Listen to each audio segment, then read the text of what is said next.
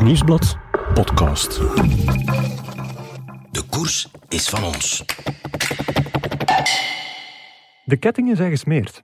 De sturen hebben nieuwe linten gekregen en de wielen draaien weer voor onze ogen. Aangenaam waren aperitiefhapjes als de Ster van Bessèges en de Tour de la Provence, maar heerlijk wordt het eerste van een reeks hoofdgerechten komende zaterdag met de Omloophut Nieuwsblad. Jan-Pieter de Vlieger, welkom. Dag Guillaume. Ja. Jan-Pieter, jij bent eh, koersredacteur, wielerredacteur in het mooi Nederlands eh, voor het Nieuwsblad. Dus ik vermoed dat jij al een lange tijd toch zenuwachtig op de schoen zit te schuiven, want ja, dat voorjaar begint eindelijk weer. Eh, valt eigenlijk wel mee. Ja? Ja, ja. Het is allemaal zeer beheersbaar eh, dit jaar, vind ik. Ah, Oké. En Het is spijtig dat er heel veel koersen eh, weggevallen zijn, maar Ja. voor ons maakt het dat wel een beetje eh, overzichtelijker ah, oké. En je zei iemand die graag netheid Overzicht en orde heeft, ja. Geen chaos. eh, eigenlijk helemaal niet, maar in Ja. mijn hoofd wel. Op mijn bureau hoofd. niet. Oké, maar in uw hoofd wel, ça va. Eh, zijn je een beetje zenuwachtig voor uw podcastdebuut? Want dat, dat is het wel, hè? Oké. Dat is het en ik voel het. Ja? Veel zenuwachtiger dan voor de Omloop het Nieuwsblad. Het is een medium dat ik niet ken. Ah, oké. En dat maakt u angstig? Beetje wel. Ja. Volgens mij is het een gevaarlijk medium. Eh, bij, als schrijvende journalist is on the record en off the record altijd heel duidelijk. Ja. En volgens mij in een podcast flap je er van alles uit Ja? wat je beter voor jezelf had gehouden. Oké, maar jij bent de redacteur hier en niet de, de bron. Dus eigenlijk is, is de gast de enige die iets fout zou durven zeggen. Is dat niet waar, Patrick Lefevre? Ja, misschien wel. Ja? Toch. Ja, toch wel, ja. Want eh, jullie hebben eigenlijk een... Er is een reden waarom jullie hier gepaard zitten, want eh, je zou GP een beetje kunnen omschrijven als uw ghostwriter voor uw vaste column in het nieuwsblad. Ja, dat is zo en hij doet het heel goed. Ja? Eh, het klikt. en we hoeven niet drie keer eh, alles te overlopen. Ja. Meestal krijgt hij van mij een droge oké. Ja? ja. Ik vraag me altijd af of dat er daar een waardeoordeel in zit. Want ik stuur die column door ter nalezing naar Patrick. ja. En dan stuurt hij ofwel top ofwel oké. Oké. En dan is dat gewoon eh, Ja. uw gevoel van de dag of is dat toch een waardeoordeel op eh, de Maar column? ja, het eerste verhaal heb je het natuurlijk over een onderwerp. En het ene onderwerp ligt je natuurlijk wat beter dan, dan het andere, maar je moet iedere week iets schrijven. Ja? En dan, ja, dat ik ga, ga nalezen wat je gezegd hebt, want uiteindelijk, ja, spreekt misschien, ik zou wel zeggen, een kwartier, en uiteindelijk moet dat in een kolom gegoten worden. Ja. En dan ja, moet je dingen uitlaten en dan andere dingen niet uitlaten. En eh, ik kan me altijd vinden in de kolom. Ja, ik kan mij nu niet van de indruk ontdoen dat je problemen zou hebben om eh, eh, een onderwerp te zoeken, want... Nee, maar eh degene die het schrijft, Ja. moet ook altijd aanvoelen wat hij wil zeggen. Oké. En dat is niet altijd zo. Maar hier in deze, ja, het is net na Valentijn, maar het is een, een op- en top relatie, merk ik dan wel. Ja, moet je eerlijk zeggen, in het begin dat ik hem kende, vond ik hem soms nogal een moeilijke gast. Echt waar, je weet dat. Dat weet ik. En hij stelde ze zo van die vragen, dan denk ik zo, ja, ik zit natuurlijk al eeuwenlang in die stil. Ja. En hij dacht van zeker, wat denkt die nou nou wel? Ja? En ik had zoiets, ja jong, dan kun ik je een betere vraag stellen.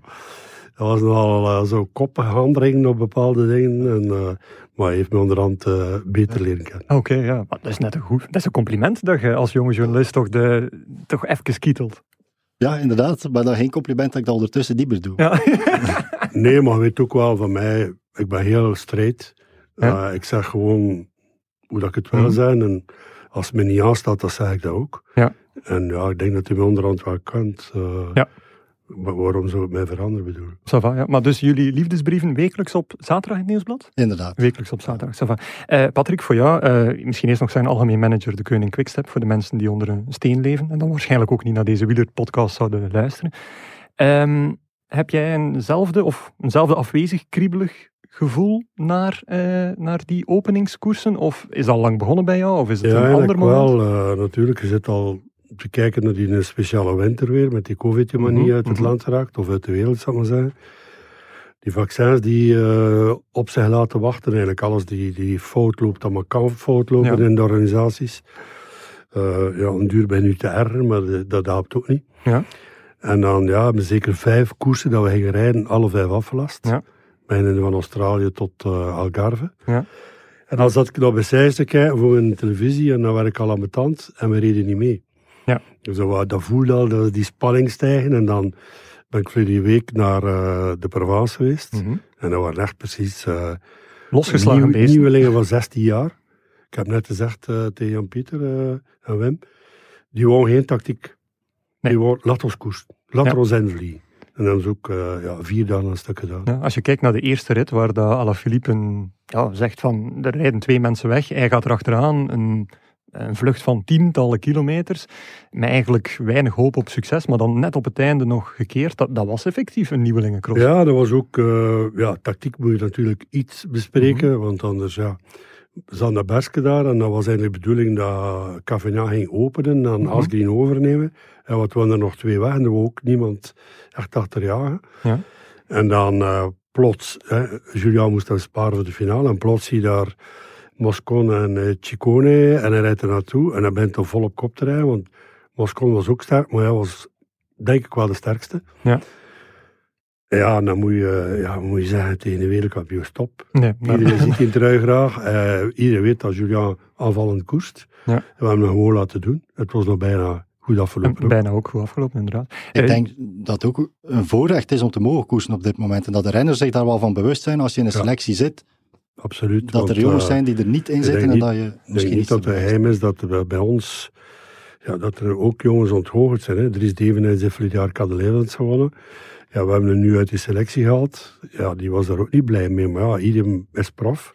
We hebben 30 renners. Ja. En in deze tijden is het eigenlijk niet, mm, eh, niet zo goed om 30 renners te hebben. Want Ja. je moet dan aan die selecties zeer zwaar aan sleutelen. Mensen onthogen, uit de ploeg halen. Ja, dat is lastig. En hoe regel je dat dan? Dat iedereen gelukkig blijft? Of, of op zijn minst genoeg Ja, voorbereidingen kijk, ik ga ervan uit dat prof zijn, eerste verhaal. Ja. Twee, ik denk dat de ploegleiding zijn uiterste best doet om iedereen te proberen om de bak te laten komen. Mhm. En eh, ja, we gaan niet wegsteken hè, dat eh, op Mori van Zevenand na dit bijna de klassieke ploeg is. Ja. Je moet altijd zien, mag maar met zeven meer rijden. Dus eh, je hebt tien kandidaten dat je voorop stelt voor, voor zeven plaatsen. Ja, en dan is natuurlijk eh, soms mensen onthogen. hè. Ik, ik, bemoei me niet meer al dagen met het programma. Mhm. Want er is al zoveel veranderd voor iedereen. Ja. Maar ik zie nu dat eh, bijvoorbeeld Ido Keijsen niet in zijn eigen streek kan rijden. Waar Eh, bizar is uiteindelijk. Dat hij in Abu Dhabi en Dubai zit. Ja, kijk, dat is zo. Hè. Dan is het zo. Eh, GP, ehm, Patrick zegt het zelf, een, een groep of een kern van 30 renners. Eh, er is net ook een tussenseizoen geweest, dus vaak wat, wat nieuwe gezichten. Eh, analyseer eens de transferpolitiek die de Koning Quickstep gedaan heeft afgelopen eh, tussenseizoen. Ja, je zou het mij niet kwalijk nemen als ik het, het gebrek aan transferpolitiek noem, want jullie hebben weinig eh, renners bijgehaald. De focus is geweest om de groep zoveel mogelijk samen te houden. Never change a winning team, hè, zeggen ze. Dus eh, be- beter dan dit eh, kon het bijna niet. In de, in de moeilijke omstandigheden. 40 koersen gewonnen, overal mee gedomineerd. Zelfs in de rondewerk. Ja, en dan ja, Bob Jongens, die kreeg eh, nou, een, gewoon een aanbod. Waar dat hij zat er mee verveeld, maar ik kan gewoon zeggen, Bob, jongen, we zijn beroeprenners. Mhm. Jij moet gewoon dat, dat aanbod nemen. Dat, eh, ja, dat was dubbel dat hij bij ons kon verdienen. Mhm. En dan eh, heb ik er eh, twee bijgenomen, zeker. Hè? Mhm. Eentje weg en twee bij. Ja. En die twee bij waren Mark Cavendish en... Chetney. En dat is wel, dat vond jij wel opvallend, GP, Ja. want dat is Ja, iemand uit het middenpak, om het zo te zeggen. ja, ik vind het een beetje een profieloos renner. Hij- Hij wint een rit in de Giro op een, op een heel mooie manier, maar is dat een adelbrief om nu meteen te zeggen van die moeten wij hebben? Ja, in de buik van peloton weet iedereen ongeveer wat iedereen kan. Hè? Mhm. En mij was dat gesignaleerd dat die kerel eh, heel hard kon rijden, maar dat er soms geen kop op staat, stond, Mhm. zoals ze bij ons zeggen. Maar dan eh, alle tijdritten deed hij mee om te winnen. Hij had ook eentje gewonnen in, eh in een rittenkoers in Frankrijk. Mhm. En eh, ja, je hebt altijd mensen nodig die kunnen hard rijden op kop. En zien dat we onze ploeg toch een klein beetje beginnen om te turnen naar eh in functie van eh, Remco, Ja. bijvoorbeeld. Dan dachten we, ja, iemand die kan hard rijden, die kan tijdrijden, daar ligt nooit een mes in de ploeg. En dan een andere transfer waar ik heel fier op ben. Ja, hij, was, hij zat bij die CC-ploeg, dus ja, hij kwam plots vrij. En dan ook Masnada, die, Mhm. Allee, die, hadden, die mensen, die had betaald aan Savio om die coureur vrij te kopen. Dan zetten ze plots in die storm. Mhm. Dan heb ik gewoon gezegd tegen eh, zijn manager, kijk, ik wil die coureur. Ja, maar ja, ze laten hem niet gaan. En, ja, ik zei, betalen ga ik ook niet doen. Maar ik ga hem wel betalen vanaf 4 september, volle pot. Ehm, en dan ja, we hem kunnen overtuigen om te komen. Dat was direct beloond met een zevende plaats in de Giro. Mhm. Hoe eh, gelukkig is Mark Cavendish op dit moment? Ah, hij is very happy. Ja, very happy. Ja, hij zegt dat ik kan niet... Ja, Engelstalen gaan al veel rapper zijn dan, dan wij, Vlamingen, van thank you and I love you. Maar soms uh, weet je niet altijd bij Amerikanen bijvoorbeeld als dat gemeend is. Kan dat soms wel een keer geniepig zijn, hè? Zo Ja, niet, niet, maar dat zit zo... Hè, die zijn 700 keer sorry. Ja, waarom moet je altijd sorry zijn? En eh, ik, ik heb het net verteld, dat ik, ik kwam in de kamer van dokter Van Mol. En ik zat er juist, of ik ging juist weg. Mhm. En hij smijt hem op dat bed met zijn armen open. En hij zegt, Ivan, I'm so happy. En ik zeg, ja. Ja, zeg, ik rij weer met de fiets dat ik wel mee rijden. Ik zit weer in het team waar ik wel rijden. Ik zeg, dus? Hoe zegt hij dus? Ik zeg, geen enkel excuus meer. Oké, en gaat de manager op het einde van het jaar gelukkig zijn met eh, geleverde prestaties, of is dat zelfs ondergeschikt geworden? Ik vond dat heel jammer dat hij zondag plat reed op eh 13 kilometer van aankomst. Dat Wilfried Peters had auto nummer 19. Ja. Er was ook Was in de barrage- grote prijs Almeria. Ja, er waren ook eh, barrage gemaakt voor eh, geloste renners. Ja, tegen dat hij de- bij Mark kwam, was het eigenlijk al naar Ja. de web.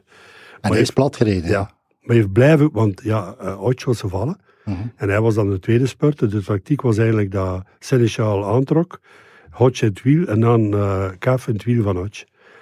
Ja, Hodge valt en dan, eh, ja, hij zegt, ik heb, ik heb nog nooit gedaan in mijn leven zijn. Ik heb blijven koersen met een nieuweling die dacht dat hij een kweerkeer. Ja. Eh, ja, ik had hem graag zien spurten. Hè, want iedereen heeft hem al afgeschreven en Mhm. iedereen weet een beetje dat ik een Afriks karakter heb. Dus eh, voor mij zou dat superleuk geweest zijn. eh Zo'n transfer doen en dan dat hij direct meedeed om te Ja. winnen. Ja, dan kon ons geluid niet meer op. Oké, GP, jij dan als de, ja, de neutrale stem. Eh, geloof jij nog in een zege voor Mark Cavendish op eh, misschien niet World Tour niveau, maar een 1.1 koers? Of, Moeilijke vraag, vind ik. ja, maar daarom vorig jaar, stel zat ik hij, eh, vorig jaar zat hij echt wel op een, eh, dieptepunt. op ja. een dieptepunt. En had hij het moeilijk om koersen uit te rijden. Dus om die stap te zetten naar World Tour wedstrijden winnen, dat lijkt mij heel moeilijk. En World Tour selecties halen zal misschien zelfs niet Ja. evident zijn. Maar ik denk wel op het niveau daaronder dat het misschien nog kan. Kun je daarmee leven met die uitleg, Patrick? Of, eh? Ja, ja. Ehm, het is ook iemand die heel erg drijft op eh, moraal. Mhm. En dat had hij duidelijk niet de laatste jaren. En nu, ja, hij is dood te gelukkig. En een coureur die gelukkig is, kan altijd wat meer dan iemand die niet gelukkig is. Hè. Dus daar eh, trek ik mij toch wel een beetje aan op. Ja. En uiteindelijk is mijn risico heel miniem. Ja. Ik heb hem genomen wanneer niemand hem nog wilde. En rijdt hij slecht, ja, dan is hij schuld. Hè. Mhm. En rijdt hij Ja, goed, is mijn verdienste. dat is, ja, Dus oké. voor, mij is het makkelijk. Dat is waar. Er was hij te vaak eh, thank you en eh, sorry zegt, daar hebben de journalisten heel last van. Ja, Mark nee, nee, maar eh, pas op, NC, dat is een heel, eh, heel emotionele jongen. jongen. hè. Ik bedoel, allee, ik, ik zeg dat nu niet omdat coureurs mij zo'n cadeau geven, maar ze zijn de enige coureur in heel mijn carrière waar dat ik, ik geschenken van gekregen heb. Hè. Maar ik doe dat daar niet voor. Hè. Ik Nee. Die kwam toe in de ploeg, Bakkela was er, beste kok in die Merks, in Brussel een hotel. Ja, voor madame Bakkela een, een bloemtuil mee. En voor ons allemaal een Mont Blanc. Heeft hij me nog een keer een trolley gegeven. En als eh, afscheid, Abu Dhabi had zijn schouder gebroken. Wou hij per se dat ik naar zijn kamer kwam. Ik zei, ja, wat niet nu weer van mij? Ja. En ik zat op zijn kamer, hij begon te wenen en hij pakte me vast. Hij zei, ja, ik heb een cadeau voor mij. Hij had een limited edition horloge van IWC gekocht. Amai. En eh, ja, dat is Mark. Dat- ja. Hij kon soms wel grof zijn tegen de journalisten, maar in, in de ploeg niet. Oké. Zou je liever dan ook cadeautjes krijgen? Of toch liever de, de open, eerlijke, misschien soms wat nukkige Mark Cavendish aan de bus? Ja, eh, het is altijd een slecht idee om als journalist cadeautjes eh, te krijgen. En zo Voetbaljournalisten weten dat zeker. Dat is waar, dat is Dat waar. mag niet, hè? Dat mag niet. Nee, Dat mag inderdaad. niet, dat mag niet, dat mag niet. Eh, goed, eh, hoe gaan we het vandaag aanpakken? Ehm, het is de wieler voorjaar voorbeschouwing, om het, eh, om het toch een titel te geven. Eh, richting Omloop het Nieuwsblad. Deze podcast komt ook uit op eh, dinsdag 23 februari, vier dagen voor eh, eh, de omloop. Ehm, ik heb vijf vragen, heel algemene vragen. Ik ga proberen zoveel mogelijk te zwijgen. En op die vijf vragen mag eerst GP antwoorden en nadien mag eh, Patrick daarop eh, repliceren, zoals hij het zo mooi voor eh, opname al zei. Dus eh, ik verwacht niets anders dan vuurwerk eigenlijk, heren. Dus eh, ik ben benieuwd wat het gaat zijn. Eh, de eerste vraag. Eh, GP, wie is uw man, moet geen renner zijn, van de voorbereiding, van die eerste maanden? Ehm, Tim Welles viel op in Ja. Bessage. Ja. Ook op een, parcours dat volgens mij, ja, je kan niet meer het Tim Welles parcours hebben dan dat van Bessage. Ja. Maar de manier waarop dat de wind was, heel indrukwekkend. Ehm, de UCI, zou dat een man kunnen geweest zijn eh, van het voorjaar? Als we doen alsof de UCI een persoon Eén is? persoon is. Ehm, ja, ze beheersen de gesprekken in ieder geval. En de Ja. discussie is, eh, zeer, eh, wordt zeer sterk gevoerd. Ehm, maar het is een beetje overschaduwd, vind ik, of het feit dat die discussie zich zozeer eh, toespitst op die twee posities die dan eh, Ja. zouden ver- verbannen worden. Dus de supertuk en dergelijke. Ja, de supertuk en de puppy paws is het. eh, de positie met de, de handjes over het stuur. handjes over sturen zou puppy paws eh, heten. Ja.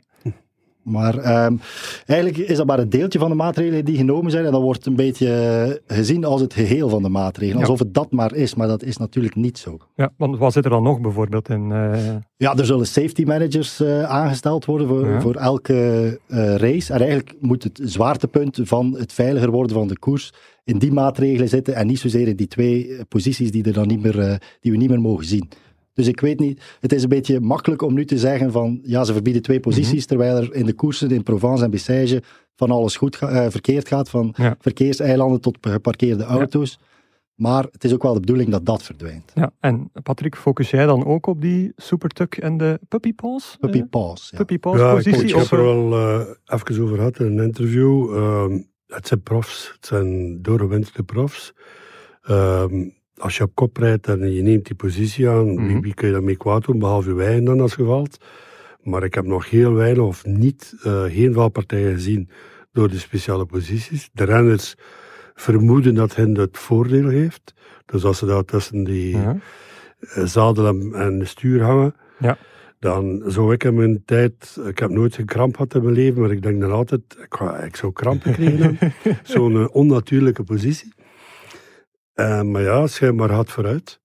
en eh, ja, ze verbieden dat nu.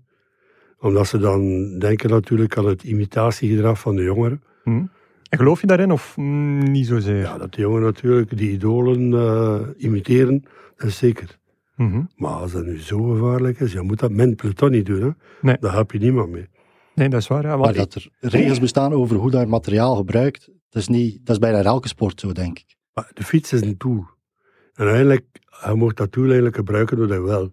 Als je er, als je er een rapper mee kan rijden, eh, zolang dat je je, je handen aan je stuur houdt Ja. en niemand in gevaar brengt, dan zie ik niet wat het gevaar kan zijn van deze posities. Ik Tuurlijk vind kun het je niet absurd om dat handjes... te verbieden, want uw, uw stuur, stuur is ontworpen om het vast te nemen. Ja, maar ze hebben het vast hè, op een of andere manier. Maar ja, als je je handjes natuurlijk over dat stuur hangt, ja, weet ook, als je in een put rijdt, dat, dat je kunt je stuur kwijtraken.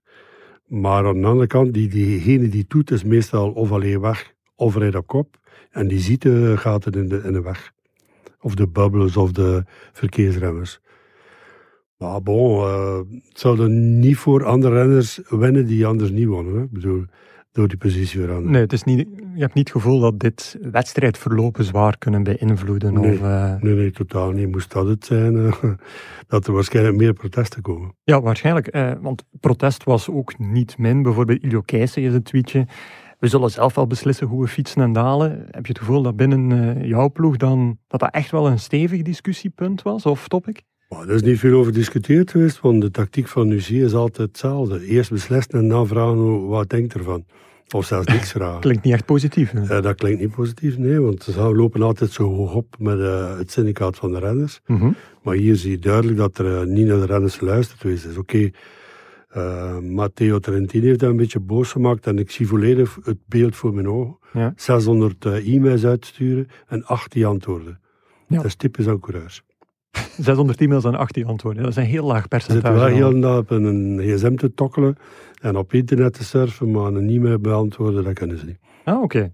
Oké, ja. Eh, hebben we daar nog een ander verhaal over? Of, eh, Nee, maar ik het is voel gewoon precies een diepe eh, haat daarover. Dat is in het verleden ook al gebeurd en dat, dat, dat gebeurt ook vaak in de ploegen. Ja.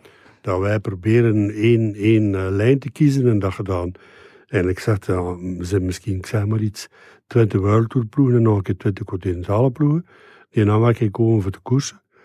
En dan zie je dat mensen eigenlijk, bepaalde mensen geen mening hebben. Ik, zeg, Ja. ja. ik ben natuurlijk wel niet de makkelijkste van het peloton, Maar uiteindelijk heb ik wel een mening. Ja, Daar Maar, kom ik eh, ook vooruit. We delen uw frustratie, want wij moeten voor de Flandriën-verkiezing op het einde van het jaar altijd alle renners mailen met de simpele vraag, kom je of kom je niet?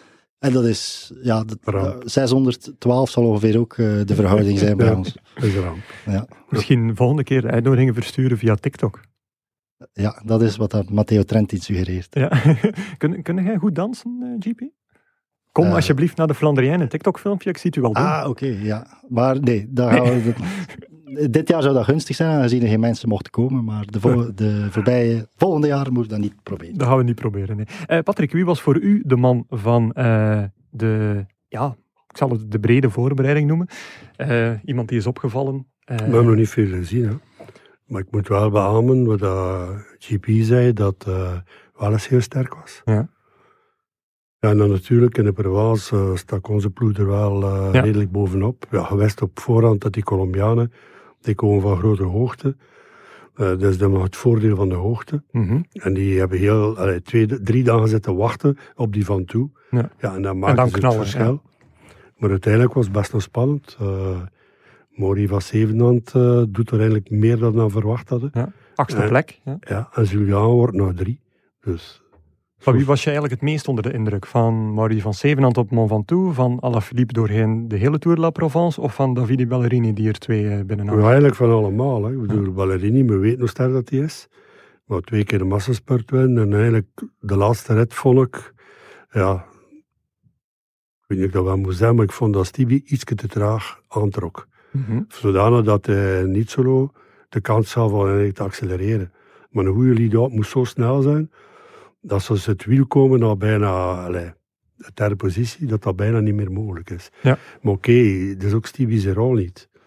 Um, dat hadden dan niet eigenlijk een specifieke spurter mee. Nee. Maar ja, zonder blij zijn, uh, veel ploegen blij zijn met zo'n spurter. Ja, dat denk ik ook. Want uh, GP, was jij onder de indruk van Ballerini? Want zeker, Zeker, ja. die, zeker die eerste uh, rit, daar, ja, Demar lijkt veruit weg te zijn. Ja. En, en dan komt er daar een of ander Speedy Gonzales langs, die, die hem nog gigantisch goed remonteert. Makkelijk zelfs. Okay. Ja, zeker omdat jullie, jullie hebben dan een heel aantal sprinters. En eigenlijk, ik reken die daar niet bij. Dat was voor mij niet nummer drie of zo in de pickorde bij, van sprinters. Eh, ja, maar moet wel iets uit ontmoos kunnen. Hè. Uh, ja. Alvaro is maar uh, twee weken terug geleden in Colombia geraakt. Hm. En Fabio is gekwetst tot nader orde. Ja, dus Hodesh en Dus Jacobsen. dan moet wel uh, proberen alternatieven te vinden. En bij deze. En hij is via Pozzato getipt. Ja, ja Pozzato, daar heb ik altijd verder een goede relatie mee gehad. Ze hebben jaar gaan eten in Tirreno, waar we per se een keer tracteren met een goede vis en, uh, in Toscane, aan de zee daar. En dan is het begonnen over Ballerini, maar man die natuurlijk al, al, wel opgemerkt. Ja. Maar schijnbaar wou hij zo graag bij ons komen. En uh, ja, dat, uh, dat vleet u toch op een of andere manier ja, dat... altijd. Dat je eigenlijk gaat gaan uitpluizen van ja, wie is hij, wat kan hij. Dan uh, kom je tot de vaststelling dat hij eigenlijk wel paste bij ons. Okay. En Pipo Bozzato is tegenwoordig makelaar scout, of dat was een vriendendienst? Of, uh... oh, Pipo Rol, is koers, is hij ook. koersorganisator. Oké. Okay. Ik heb Juska van Italië georganiseerd, waar ik ook uh, per se wou dat ik kwam, maar ik ben niet geweest. Maar ja, dat is een lieve haast. Uh, voor het geld, ik kan niet zeggen dat hij smoorrijk is, maar hij is ook rijk getrouwd, ja. dat helpt ook al. Zijn vrouw heeft drie uh, BMW-garages. Dus ja. Dan, dan uh, ben je wel gesteld, denk ik. Ik hoop het voor hem. Ik hoop het ook voor hem. Uh, vraag 2. Uh, GP, wie wordt uw man van het voorjaar? Uh, zoals ik daarnet al aangaf, Guillaume, uh, denk ik dat dat Casper Asgreen wordt. Enfin, ik weet het niet, maar ik vind dat in ieder geval een zeer boeiende renner. En ik kijk, ja? kijk er naar uit om die bezig te zien. Dus Deen al is tweede is geweest in de Ronde van Vlaanderen. Ja. En die gaan nu alles over klassen? Kuurne gewonnen. Kuurne gewonnen, maar ja, een zeer sterk nummer.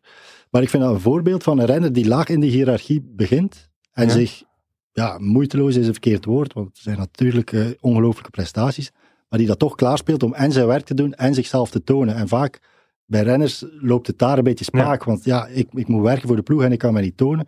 Maar gasten die zoveel talent hebben, die slagen daar toch altijd in om boven water te komen. Ja, en uh, kies je nu bewust iemand van de Koning Quickstep om uh, Patrick te paaien? Uiteraard. Of? Ja, uiteraard. Okay, Die columns moeten blijven geschreven worden. Ja, sowieso, sowieso.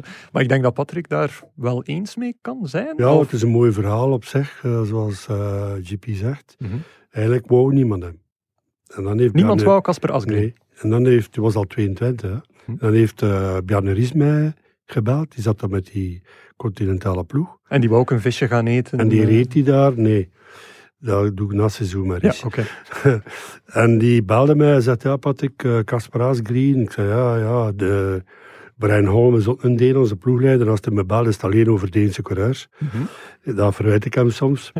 en eh, ik zei, ja, ik heb hem in de gaten gehouden. En ik zei, ja, waarom niet? We kunnen er niet veel aan verliezen. Mhm. En ja, het is een goede move geweest ook, hè. Ja. Eh, zijn er nog andere namen, eh, dark horses of, of bekendere namen, waarvan jullie denken van oppassen daarvoor? Misschien, ja, Patrick, je hebt nu kunnen meesurfen op eh eh, GP zijn suggestie, maar misschien hadden zelf al een andere naam in Ja, gedachten? ik, ik zie veel in Ballerini, zeker. Het droom van de klassiekers. Ja, Een is klassieker totaal- specifiek? Of? Is totaal geen familie van andere ballerini. Ja. Maar hij droomt ook van Ronde van Vlaanderen, Paris-Roubaix. Oké. Maar ik kan eigenlijk een beetje overal uit de voeten, die gast. Ja. En dan denk ik, ja, eh, ja, heel benieuwd om het duo, of het trio, jongens van Avermaat uh, Naasten aan het werk te zien. Mhm. Dan natuurlijk eh, ja, Lotto die zijn ploeg toch heel wat verjongd heeft. Maar dan natuurlijk altijd eh, de nauwe hi- leerhieren, of hoe moet ik dat zeggen, leerhier is niet het juiste woord. Eergierig misschien. Eerhier Philippe Gilbert, die dan terug wel op niveau komen. Mhm. Dus dat wordt ook eh, spannend om naar te kijken. Ja, En tussen haakjes, gelooft er iemand in Philippe Gilbert, Milan Sanremo, om dat klavertje 5 dan... En een eh, kop en Ardenezen. Ik niet. Maar eh, ik ook niet. Nee. Ik denk dat het een, nou of het moet een heel eh, speciale Sanremo zijn en, en een slechte weersomstandigheden, wind. Dat keihard wordt, dat iedereen al afgemat is.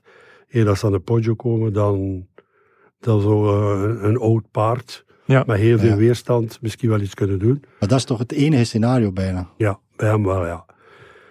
En dan denk ik, ja, er zijn een paar ploegen die, die goede coureurs hebben. Hè. Eh, bij, wat moet het nu zijn, DSM is het? Of is Ja. het DMS? DSM. DSM, ja.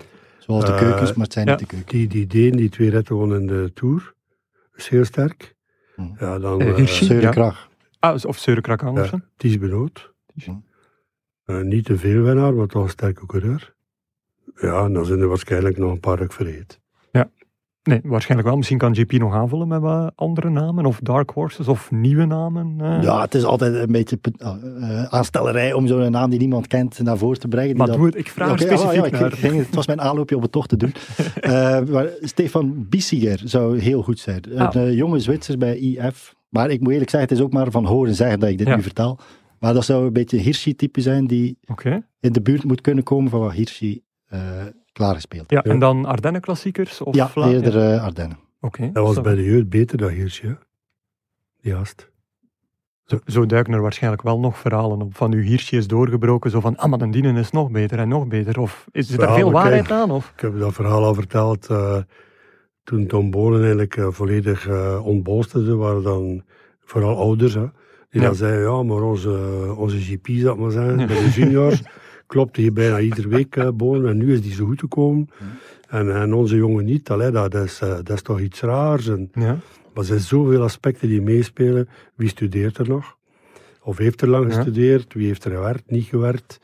Wie heeft er al veel getraind of niet? Bijvoorbeeld als je bij ons kijkt, Almeida, die had verleden jaar echt geen superseizoen bij Axel Merckx. Die had maar 30 koersen kunnen rijden. Ja. En was echt niet 100% goed. Maar dan ga je natuurlijk gaan graven in het verleden. En dan zie je dat die man eh, toch zeer talentvol is. En dan zeg je, ja, waarom, waarom? Wat kan ik eigenlijk verliezen? Ja. Ik zeg altijd, ik heb, één, ik heb recht op één verrassing per jaar. Oké. Ik En, probeer het natuurlijk niet te maken, maar... en eh, de vergissing van vorig jaar, kunnen daar dan een naam op plakken? Of denkt u van, niet gebeurd? Ik denk met zo'n 2020? winning team dat er niet veel vergissingen zijn. Hè. Het zijn Ah, weet meer eh, niet, mensen die vergissingen maken, dan bij ons weggaan, dan, Aha, ja. dan uh, dat wij als ploeg vergissingen maken. Ja, je hebt altijd een keer vergissing. Hè. Je zit met een team met 80 mensen, Mhm. uh, maar uh, zo out of the blue er iets uitpikken van, nee. Nee, is, is er doorheen je hele carrière dan zo één vergissing waar dat je nog altijd van denkt van hoe heb ik dit kunnen laten gebeuren? Ja. Of, En Zeg die kerel heet uh, Antonio Pecharomon. Mhm. Die won Catalonië en een andere koers in Spanje. Niet, niet Baskeland, maar een andere koers. Met twee minuten voor. Ja, bloedpaspoorten controleren, UC-normen opgevraagd. Iedereen zei nee, nee, het is in orde, het is in orde. En bij ons raakte geen poot meer vooruit. Nee. Ik was razend. Ja. En eh, toen had hij plots tegen een trainer en eh, nog iemand uit de ploeg. Mijn assistent-manager zegt, ja, zonder eh, EPO en bloeddoping kan ik niet presteren. Ja. En ik heb op grond van die woorden ontslagen. Ja, dat is wel eerlijk, inderdaad. Ja. En heb ik op grond, ja, dat er natuurlijk druk kwam, eh, heb ik op, op grond daarvan hem ontslagen. Ja. Eh, hij is naar TAS gegaan, ik heb verloren. Ik heb moeten 80.000 euro boete betalen. Oké, En eh, hij is naar een andere ploeg gegaan en een maand later was hij positief op EPO. oké. Maar ik heb mijn geld niet meer weer gezien. Maar ik wil nog vragen over Davide Ballerini. Moest hij nu een andere familienaam gehad hebben, zou die dan ook getekend hebben bij jullie ploeg? Want die, was er voor jou ook een soort, ah, ik wil graag nog een keer een Ballerini in de ploeg hebben? Nee, ik heb Ballerini gehad. eh, ik heb er veel plezier aan beleefd. Is Jammer genoeg dood. Maar eh, als je daar moet je mee bezighouden, van de zoon van of de broer van, of... Nee, dat doet niet aan mee. Nee. En moest het niet Pozzato geweest zijn die hem had aangehaald? Zou hij dan nu bij de Dan Koninklijke moet je ook voorstellen dat ik zo eh, 300 taps per jaar krijg. hè. Ja. En uiteindelijk kun je maar een paar coureurs nemen.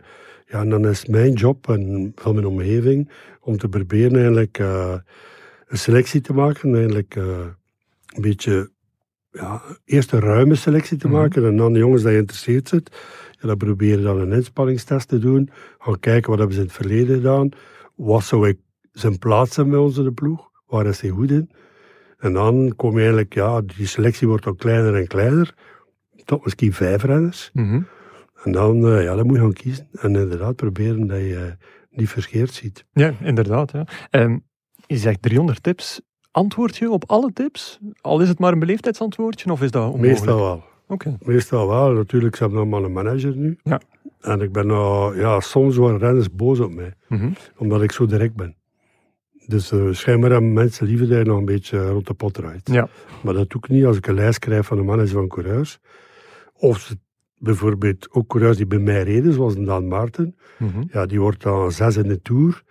Die vraagt dan, het, allee, zijn managers vragen dan eerst keer een, een loonsverdubbeling. En ik zeg, ja, oh, sorry, ik kan dat niet. Eh, we Mhm. stoppen de onderhandelingen nu. Ja, waarom moet je nog drie weken het spelletje rekken en kan ik ook iemand aan het lijntje houden? Hè? Want dat is absoluut mijn bedoeling niet. En dat bleek, ja, de coureurs mogen niet meer praten tegen ons over geld. En dat- dat is dat de zo, ja? managers doen. Ja, ja. Dat is dus me een paar keer expliciet gezegd geweest. Maar ik val natuurlijk eh, met wiel aan. Ja. En ehm, toen eh, kwam Dan naar mij en zei, ja, ik ben zeer erg onthoogd dat je mij niet meer wil. Ik zei, excuseer. Je weet toch dat ik binnen de week tegen een manager zette dat ik dat budget niet heb en niet aankom. En dat ik, als ik hem bezig hou, weet je hoe dat gaat in eh, het peloton en in het leven, dat budget die de ploeg heeft, eh, als ik hem aan het lijntje houd, dat budget is misschien weg naar een ander renner. En zoals Niki ooit bij ons wilde blijven ja. beter weten in, dat ik het geld ook niet had. En dan is hij kunnen gaan tekenen bij Totaal voor een zeer mooi contract. En dan ook. En als ik hem een maand aan het lijntje houd, heeft die budget aan een ander en is voorbij. Ja, eh, dat wil ik niet. Nee. eh, GP, is dit ongeveer hoe dat er normaal aan toe gaat eh, bij jullie, eh, bij de creatie van jullie columns? Ik heb zo het gevoel dat ik er middenin zit. Het enige wat nog ontbreekt is een computer om het allemaal in te tikken. Oké, Ja, meestal gaat het ongeveer wel zo. eh. Ja, ik stel de vragen en Patrick antwoordt daar bevlogen op. Het, het ding is altijd, je zoekt een onderwerp eh, waarop dat, waarvan dat je denkt dat Patrick er een uitgesproken Ja. mening over heeft, maar bij Patrick, alle onderwerpen heeft hij Ja, uitgesproken dat mening. is makkelijk dan Dat eigenlijk. is hè. eh, vrij makkelijk. Dat is, ja. Vraag drie. Waarmee Eh, dat ze mij houden. Ja, Wa- waarschijnlijk. Maar uw manager heeft ook eh, een loonsverhoging gevraagd, heb ik begrepen. Ja, kijk, eh, er heeft iemand binnen het bedrijf een tongslip gehad. Ik heb daar gebruik van gemaakt. Oké, goed. En is er hier een bepaalde case die verder Eh, uitgeklaard moet worden? Of Nee, denk ik niet. is voor de volgende keer? dan? Ik ben eh, niet duur. Oké. Als ik de bedragen hoor van Jan Mulder en zo, dan ben, dan ben ik met een schooier. Het is wel een ander medium natuurlijk, of een ander Ja, medium. ik zijn een ander niveau. Ah, nee. een ander medium. Dan, eh, eh, beledig je twee mensen tegelijk. hè, Als je Ja. de column beledigt. Ik had het eigenlijk over de mediahuizen, maar eh, ik, heb, ik heb hier duidelijk veel krediet bij jullie, merk ik. Zwat, eh, vraag drie. Eh, GP, naar welke koers kijk je het meest uit? Eh, ik ga het gras voor de voeten van Patrick wegrijden. Doe gerust. Eh, Parijs-Roubaix. Het is vorig jaar eh, niet kunnen doorgaan. Mhm. En eh, ik vind van mezelf dat ik niet zo vatbaar ben voor alle wielerromantiek, maar wel in Parijs-Roubaix. Als je als journalist in het middenplein staat en de renner draait daar solo, of in de, de, de kopgroep draait daarop, dat is Ja. echt een fantastisch moment. Elk jaar opnieuw. Oké, maar dan wel een Parijs-Roubaix waar de, de mensen toegelaten zullen worden op het middenplein. Ja, inderdaad. En, dat is misschien tricky. Ja, maar Guillaume, laat mij nu... eh, Ja, Oké, voor uw enigste romantische uitje dat hebt, ga ik niet, ga ik niet eh, we proberen naar beneden te halen. En je zegt gras wegmaaien voor de voeten van Patrick, want Parijs-Roubaix is altijd de koers om naar uit te kijken voor jou. Oh, dat is eigenlijk de afsluiter van de klassiekers van Mhm. Noorden.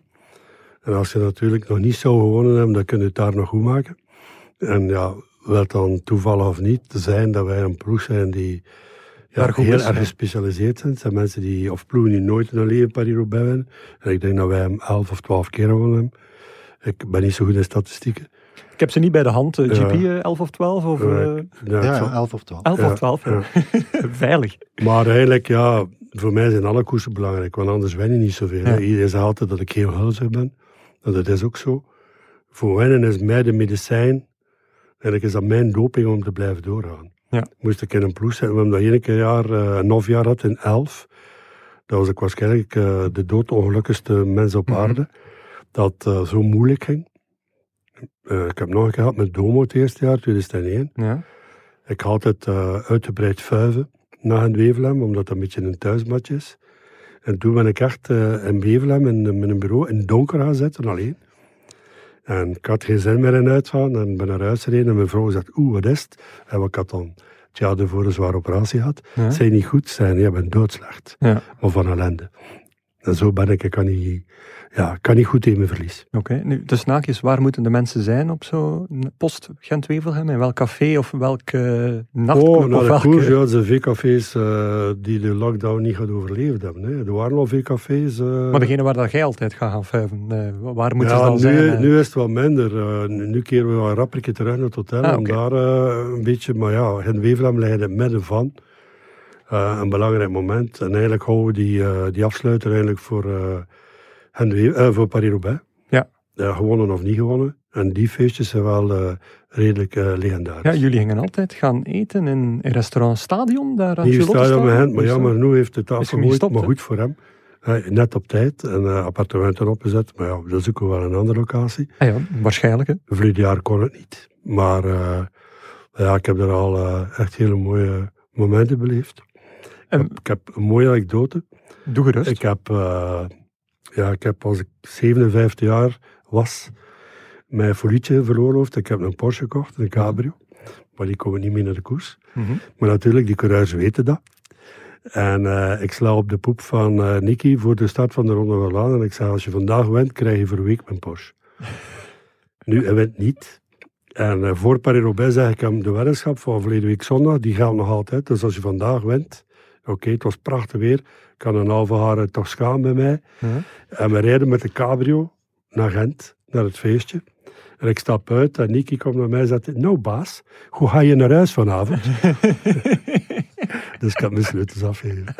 En hoe heb je hem teruggekregen? Eh een brandend lichtje. Het is nooit duidelijk geweest wat er juist gebeurd is. Maar...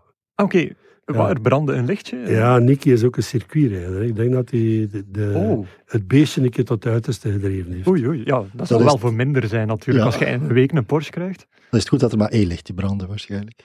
Ja. Ja, en, er vier eh, branden tegelijk, dat was dat hij kapot was. ja wa- waarschijnlijk. En hoe zeiden die avond nog naar, naar huis geraakt dan? Eh, Ja, dat heeft een, een brave ziel meegebracht. Een brave ziel heeft u gevoerd. Oké, Ja. goed. Eh, Paris-Roubaix waren we over bezig, want ik heb mij laten vertellen dat, dat je eigenlijk een soort vaste route hebt die je altijd afstapt of afrijdt. Of... Ja, ehm, ja dat En die start op, ook, die start op een mesthoop. eh. Die wegen veranderen en die, die routes veranderen, maar eigenlijk eh, de normale jaren rijden we Compiègne buiten. Hebben de eerste keer rond punt, ik weet niet meer welk grondgebied dat is. En dan kun je eigenlijk van daar via een soort expressweg naar bijna het begin van de kassei rijden. Ja. En dan sta ik altijd, dus het eerste stuk kassei heb je dan een gewone weg dat je oversteekt. En dan het tweede stuk. En daar, na één kilometer, is er een mesthoop. Ja. En ik sta altijd aan de mesthoop. Eraan of erop? Ja, ik heb er al een keer op gestaan ook. ik heb het een keer geweten, het was heel slecht weer. Oei. En eh, heel modderig daar. En ik zei, ja, hier gaan ze vallen. Dus ik had gebeld naar de auto. Van pas op, hier gaan ze vallen. Ja, want natuurlijk voorspeld dat het gebeurt. En ik pak een coureur van ons recht. En ik duw hem. En heel mijn handen waren echt een stra. Ja, oké. Helemaal in stru.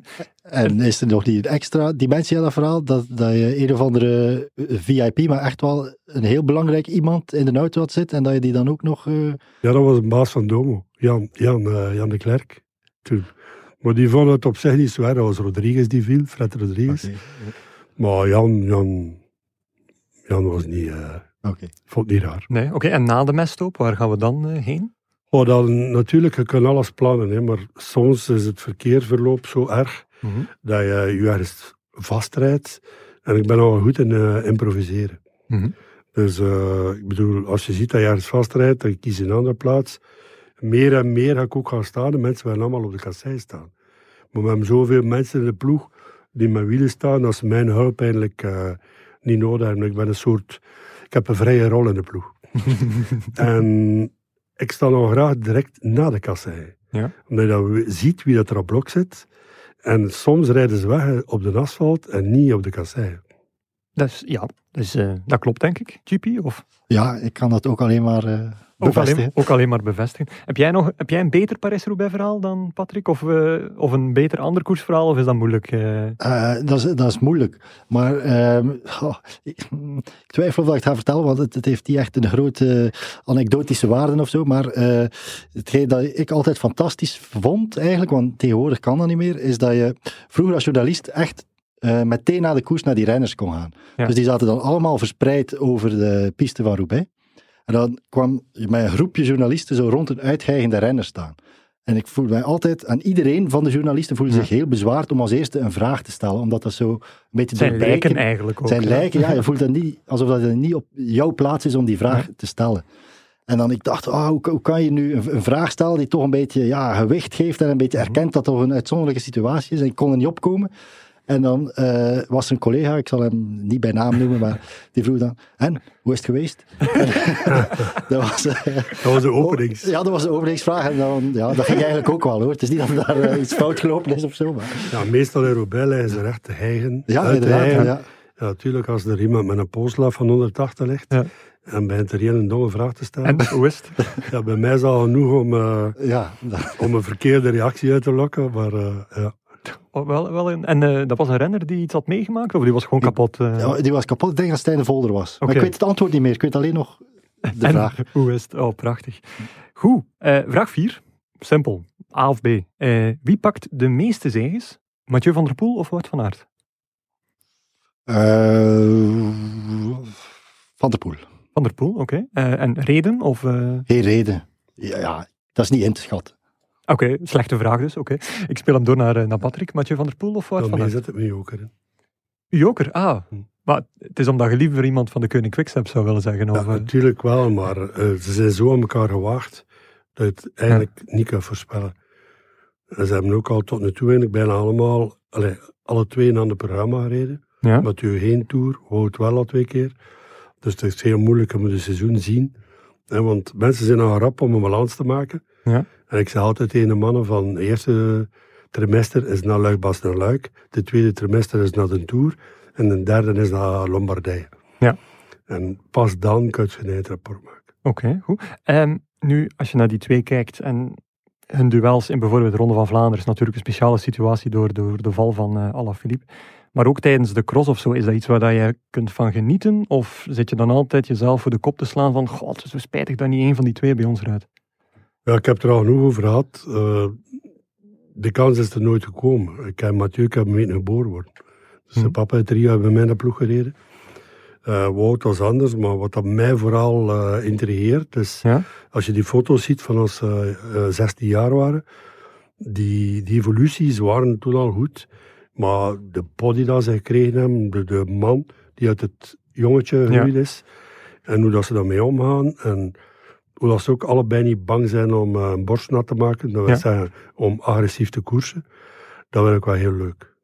Is, is hun rivaliteit, zal ik het sportieve rivaliteit noemen, GP, is dat te vergelijken met iets? Is dit hetzelfde als Bonen Cancellara of staat dit op een hoger niveau, omdat ze misschien wat meer allround zijn nog? Of, Ja, dat vind, dat vind ik eigenlijk wel. Dat is een goed punt dat je aanhaalt van dat allround zijn. Want Bonen Cancellara, dat was toch heel erg toegespitst op dat voorjaar. Ja, zeker Bonen eigenlijk. Want Cancellara kon je nog zeggen, van die in het tijdrijden dan ook wel Olympische titel en zo, dus dat is ook wel een palmarès dat tamelijk breed gaat. Maar Bonen was een voorjaarsrenner, die, Ja. die, die had gedaan na eh, Roubaix. Ja. Dus eh, hier zie je toch die gasten die eigenlijk een heel jaar door op een heel hoog niveau zijn. Ja, dus dit is zo'n beetje de Cristiano Ronaldo-Messi-tijd van de koers, of is dat wel heel overtrokken dan? Eh, ja, dat is overtrokken, maar dat is onze business. Ah, ja, dat- dingen over te, te overtrekken. Ehm, nee, het zijn uitzonderlijke talenten en ik denk dat iedereen ervan geniet ehm, om die bezig te zien. En het valt mij op dat niet zozeer in kampen eh, verdeeld Nee. is. Het is niet omdat je voor Van Aert bent dat je tegen Van der Poel bent. Ja. Dat is mijn aanvoelen. Nee, ik denk dat dat wel klopt. Ik weet niet, is dat ook jouw Ja, aanvoeling? we hebben het er net al een beetje over gehad. Hè. Dus, vroeger Want je hebt net een duo-interview gedaan met Ja, Adrie van der Poel. Vroeger was je voor Van Looy een tegenmerks, of voor de Vlaming een tegenmerks, of omgekeerd. Ja. En nu vind ik dat dat minder speelt. Natuurlijk, ja, eh, zij zijn de Vlaamse pers, dus ze moeten proberen een beetje natuurlijk, ja, Wout van Aert Mhm. is een Vlaming, dat was heel duidelijk in het WK. Alaphilippe was eh ontegensprekelijk de beste. Maar dan zitten ze natuurlijk te zoeken, ja, had... Had Roglic eh. Roglic eh, meer op kop kunnen rijden of moeten rijden. En ja, dat zijn natuurlijk vijgen naar Pasen. Hè. Die, die gast kon niet beter.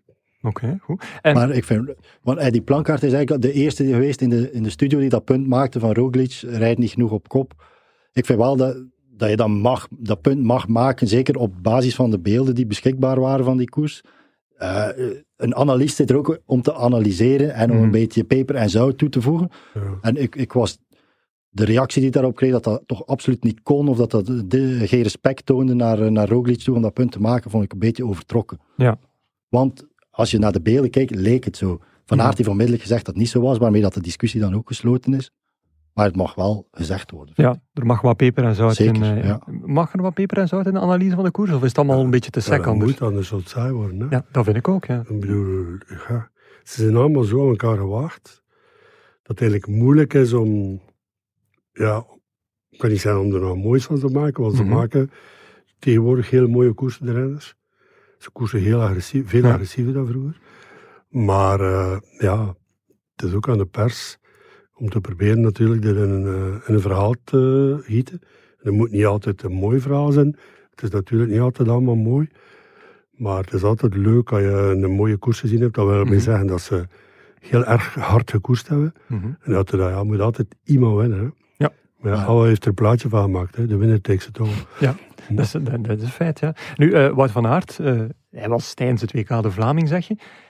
Is dat niet jammer dat iemand als Wout van Aert dan via een Nederlandse ploeg eh, zich zo moet tonen? Doen die Nederlanders het dan zoveel beter dan de Belgische ploeg? Want ze, hebben misschien een, ze zien zichzelf misschien als ja, de revolutionaire aanpak, met heel veel data-analyse en dergelijke, en komen daar ook graag vooruit. Of, eh, ik zie je al een beetje met de ogen draaien. Nee, ik ben aan het nadenken hoe dat kan zijn. Oké, Ehm er zit er veel meer achter natuurlijk. Hè.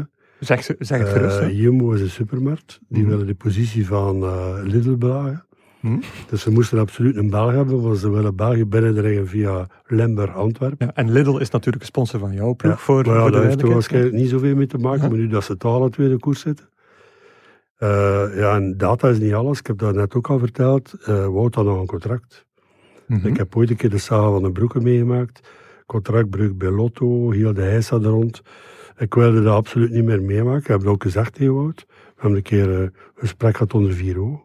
Ik heb gezegd, ja, je morgen mijn briefje krijgt, komt dat van ik dat je vrij zit, dan gaan we praten. Maar ja, dan heeft Jumbo wel dat risico genomen. Mhm. Hij is er bij de UC mee weggekomen. Ja, ik ken natuurlijk de, de open en de toe van de zaak niet. Dat moet ik ook niet weten. Maar om te zeggen dat we spijt hebben dat we ook niet bij ons zitten, ja, ik kan ze niet allemaal pakken. Hè. Nee. Als er ik omkijk, Niemand die nu eh, Jumbo dat kwalijk neemt of en als een soort echtbreker ziet. Wat dat dan- bij jou wel het geval was als je Bonen wegnam bij ehm, US Postal destijds. ja, maar ze hebben hem zelf laten gaan. Hè. Ja, maar dat is u toen wel kwalijk genomen. Van wie? Van dit de Mol. Van Twitter en zo, die nog Ja, niet bestond. Bonen, ze hebben hem drie keer naar Luxemburg doen komen en ze hebben hem nu bekeken. En hij had het. En hij voelde ook wel, ja, zolang Armstrong hier is, ben ik maar eh, het vijfde wiel. En dan heeft hij mij, Paul de Geiten mij gebeld en zegt, eh, ik had Tom al gevolgd van bij de nieuwelingen. Want hij is van het jaar 80, mijn oudste zoon is ook van het jaar 80. Mhm. Ze hebben samen gekoerst. Dus ik wist goed wie dat Sentjes, Stegemans, Bonen was. Het trio die er toen bovenuit stak. Ja, en eh, ja, ik ben hem daar ook kwijtgeraakt. Via, ja, bij Kortex en Groeningen sputters gereden. Dirk de Mol was de ploegleider. Die is dan bij Abenstrong terechtgekomen en zo is het gegaan. Maar na een jaar was, was het gedaan en Paul de Heiter eh, zegt, ja, zit alleen? Ik zei, ja, ik zit in Notte een tour. Eh zegt hij, ja, kan we praten over Bonen? Ik zei, ja, zit hij met mijn dingen aan het spelen of wat? ik zei, wacht even, eh, voordat de zending was, ik zal aan de kant zetten. Hij zegt, kijk, hij is vrij, maar er hangt een afkoopsom aan. Ja, kijk, eh vraag hoeveel dat is aan Johan. Maar ja, Johan besliste dat niet, het was eigenlijk die Amerikaan. Mhm. Horsky of een hoe die, ik weet niet meer juist. En dan werd me een bepaald bedrag voorgesteld en Tom kon dat niet betalen en zijn familie ook niet. En toen heb ik gezegd, weet je wat, eh, ik ga het voorschieten en ik, ik reken het af op twee of drie jaar contract. Zodanig dat jij geen geld moet uit je zak halen en ik, Mhm. en ik was gelukkig en hij ook. Ja, oké, goed. Ehm, Wout van Aert en Nederland, zei ik daar net iets. Moet er daar nog iets over verteld worden? Want ik, heb- ja, moeten we er een beetje een België... Maak ik er onbewust een geval- België-Nederland van? Of, in eh, mijn geval, als ik terugkijk naar de laatste tien jaar, hebben ze nu 21, dan denk ik niet dat met onze ploeg, eh, ja, natuurlijk is het een mooie renner om in de ploeg te hebben, maar ik denk niet dat we hebben top gepresteerd op alle niveau. Ik zou dan eerder zeggen, ik wil zeker niet op mijn con-collega's eh, schieten, maar ik denk dat ze bij Lotto meer spijt moeten hebben dan ik. mhm. Ben je daarmee eens, Belg. eh, GP? Of? Hij is Belg. Eh, Alleen die ploeg hangt eh, meer van pas gekomen dan bij ons. Ja, dat is een beetje een punt van discussie, hoe dicht dat ze daarbij gestaan hebben. Bij Lot, eh, je hoort soms dat hij op een dienblaadje aan, aangediend is en eh, dat, ze, dat ze er om een of andere reden niet op ingegaan zijn, zelfs een beetje uit luiheid met het toenmalige management. Maar eh, er is ook een andere kant dat hij, dat toen ook nog wel onder contract lag, dus Mhm. dat het sowieso altijd een delicate operatie zou geweest zijn. Hmm. Ik vind het moeilijk om daar Ja, eh, oordeel een, oordeel echt over te één hebben. ding aan toevoegen. Ehm, ik heb persoonlijk met hem gesproken, zoals dat net al zei. En hij zei, ja, laat me nog maar crosser zijn. En ik Mhm. wil wel af en toe eh, proeven van de weg. Maar dat is in drie jaar tijd helemaal omgekeerd. Ja. Dus die jongen die zei, eh, het zal nu wel wat de jaren vliegen natuurlijk, vier, vijf jaar geleden zijn. Die toen zei, laat me maar crosser zijn. Maar en toe eh, voorbereiden op de weg en proberen tot wat ik in staat ben. Ja, nu is dat helemaal eh, omgekeerd. Dat is zo. Je las echt interviews met Van Aert. Ik denk zelfs niet dat het vijf jaar geleden is of drie jaar geleden. Oh ja, zoveel van weg, weg zijn van huis. Ik denk toch niet dat dat voor mij is. Totaal geen item meer. Dus nu renner die super vaak op hoogtestage gaat, vijf weken, geen probleem. Terwijl dat voor een renner, ja, als, als hij naar de Tour gaat, dat hij dan op hoogte gaat. Maar voor het voorjaar is dat ook niet de vaste formule, meer en meer. Maar voor hem is dat blijkbaar allemaal iets dat hij heel makkelijk verteert. Oké, goed. Slotvraagje, vraag 5. Patrick dacht misschien van, ik ga eraan ontsnappen om een keer in een podcast niet te, spraken over de niet te spreken over de, over de persoon. Maar GP, wordt dan de rest van 2021, na het voorjaar, het jaar van Remco Evenepoel? Dan moet ik het woord aan Patrick laten. We zullen de bal direct doorspelen, maar eh, ja, bijna toch een podcast zonder Remco Evenepoel vernoemd hebben, maar eh, we kunnen die vraag niet laten liggen. Daar heb ik begrip voor. Dank u. Ehm, zou wat normaal zijn dat we er niet over praten, Ja. want uiteindelijk, ja, ik word er natuurlijk veel over aangesproken en ik heb er ook natuurlijk wel een mening over.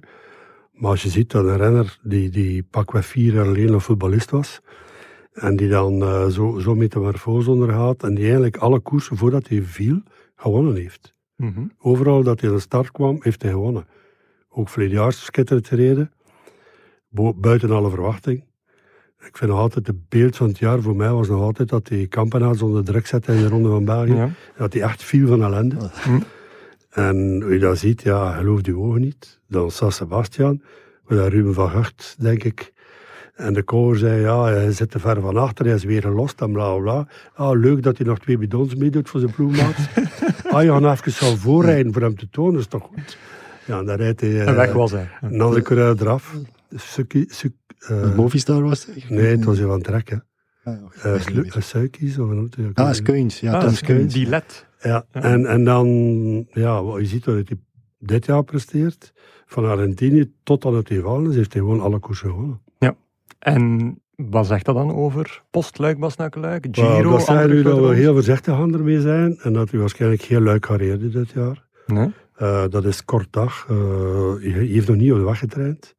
Dus hij gaat, als alles goed gaat, pas volgende week de eerste keer op de weg trainen. Mhm. We brengen hem heel voorzichtig. Dus ja, we zijn 6 maart bijna.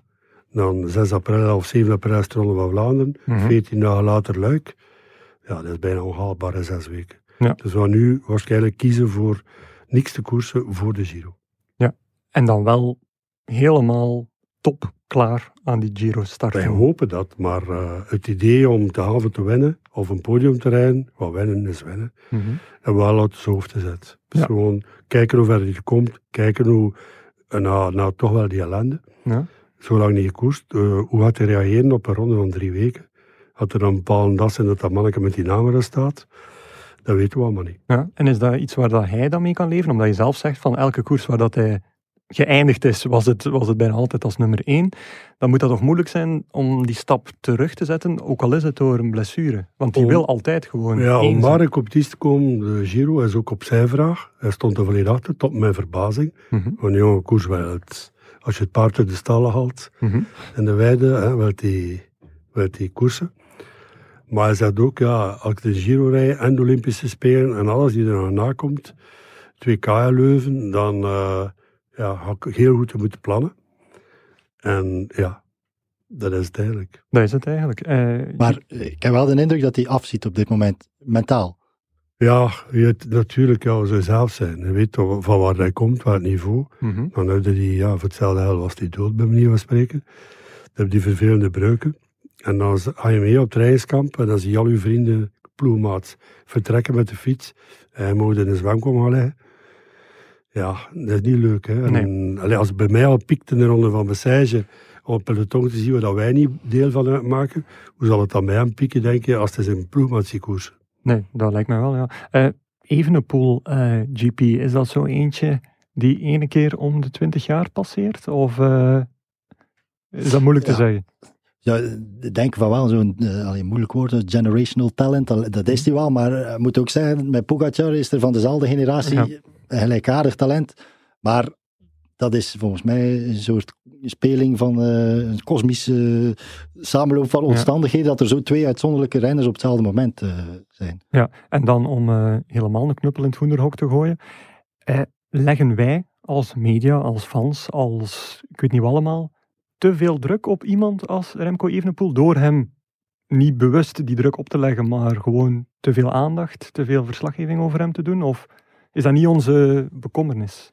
Dat is onze bekommernis, Keo, maar we gaan er nooit zo bekommerd over zijn dat we, dat we eens gaan beslissen van ah, laten we vandaag maar eens niet, niets rond Remco Mhm. Evenepoel. Zo eerlijk moeten we ook zijn. Eh, wij spelen onze rol daarin en het is aan het team om dat zoveel mogelijk eh, te managen. Maar je kan niet verwachten van media dat ze eh, uit eigen beweging eh, gaan beslissen om een fenomeen als Evenepoel niet meer te verslaan. Nee, Eh, Patrick, je hebt je daar ene keer denk ik wat kwader over opgesteld op Twitter, van laat die jongen in rust, een beetje mee met rust. Ehm, is dat iets wat, wat je echt vindt van, het is te eh, iedereen Ja, op dit kijk, moment? Ik, ik weet ook wel dat we in een zeer concurrentiële wereld leven. Dus ja, er zijn maar twee kranten in, België, in Vlaanderen bij manier van spreken.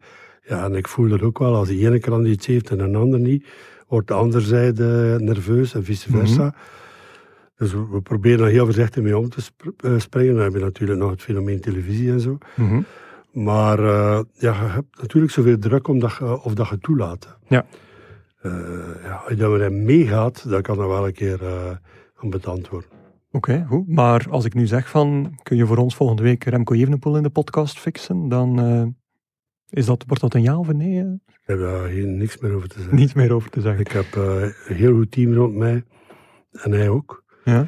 Dus ehm, ik kan sowieso nooit een coureur naar huis toe brengen tegen zijn dacht. Ja. Dat bestaat niet.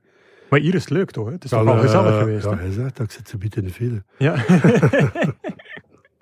dus wat, GP, we gaan het via de geëikte kanalen moeten doen, denk ik. eh, even de naar de Ik vrees het ook, ja. Ik vrees het Ja, ook. hè. hiërarchie moet gevolgd worden. Ja, dat is waar. Nu, ehm, dat is eigenlijk een beetje de, het einde ervan, want ehm, de, de file begint inderdaad op te, ko- op, eh, te komen. Dus eh, zo snel mogelijk de auto biedt, denk ik, eh, Patrick. Ja. Misschien nog één ding. Ehm pronostiekje voor Omloop het Nieuwsblad. Wie wint? Eén naam? Zeg maar Patrick, GP, Ik blijf bij Ballerini. Ballerini, oké, goed. GP, eh Uh, Alaphilippe. Alaphilippe, oké, goed. Dus eh, doen er ook andere renners van de Koning Quickstep mee in de omloop? Of, eh, Denk alleen maar aan de column. hij, Guillaume. hij denkt alleen maar aan de column. Dat is, dat is, dat is te, te verdedigen, inderdaad. Nee, super. Eh, Patrick, heel erg bedankt dat je er was. Dat is voor herhaling vatbaar, vermoed ik. Jullie moeten dat beslissen. Ah ja, maar je zegt net van ik ga met nooit een renner tegen zijn zin naar ergens sturen, dus u zelf hopelijk ook niet. Maar dat doe ik al Maar. Ja. er zijn contractuele afspraken over gemaakt. Over, eh, Ah, net, zoals de, net zoals de column eh, waarschijnlijk. Maar Pat, ik denk dat Patrick wel nog een paar keer zal eh, opduiken hier bij ons in de studio. Dat weet je niet, het hangt ervan af. Hè. Als de timing goed zit en eh, dat er met een kop staat. Ja. Eh, We zullen dat wel ik ben regelen. content eh, met wat ik hier krijg. Ja. Maar gelukkig krijg ik mijn diesel terug. Eh 250 kilometer met een auto rijden, dat kost ook geld. Hè. dat is waar. Dat is waar. En Als we met per uur moeten betalen, ja, dat is niet te doen. ja, ja, maar je kiest er zelf voor hoe lang dat je praat natuurlijk. Hè. Uw nee, antwoorden hij- mogen korter zijn. stelt de vraag. Ja, ja, maar de antwoorden bepaal ik niet van lengte Ja, dat natuurlijk. weet ik voor de volgende keer. Wat is eh, desondanks een heel, een heel leuk eh, uurtje geweest. Eh, wat zou ik nog zeggen? Mensen die nog meer van het wielrennen willen te weten komen in het nieuwsblad, lees onze ploegleidersenquête in print en digitaal. Het interview met Patrick en Adrie van der Poel, dat in aanloop naar de Omloop het Nieuwsblad gepubliceerd zal worden. En natuurlijk de wielergids, die er al van afgelopen zaterdag 20 februari bij de krant zat en ook online terug te vinden is. Dus eh, dan rest er mij niets anders meer om Energy Nostalgie te bedanken voor het gebruik van de studio's. GP voor een meer dan geslaagd podcastdebuut, toch? ja, ik vond het wel echt plezant. Ah wel, voilà, goed. En, en Patrick Lefevre voor eh, komst en eh, wijsheid, laat ik het zo zeggen. Dank u. Tot de volgende keer. Het nieuwsblad. De koers is van ons.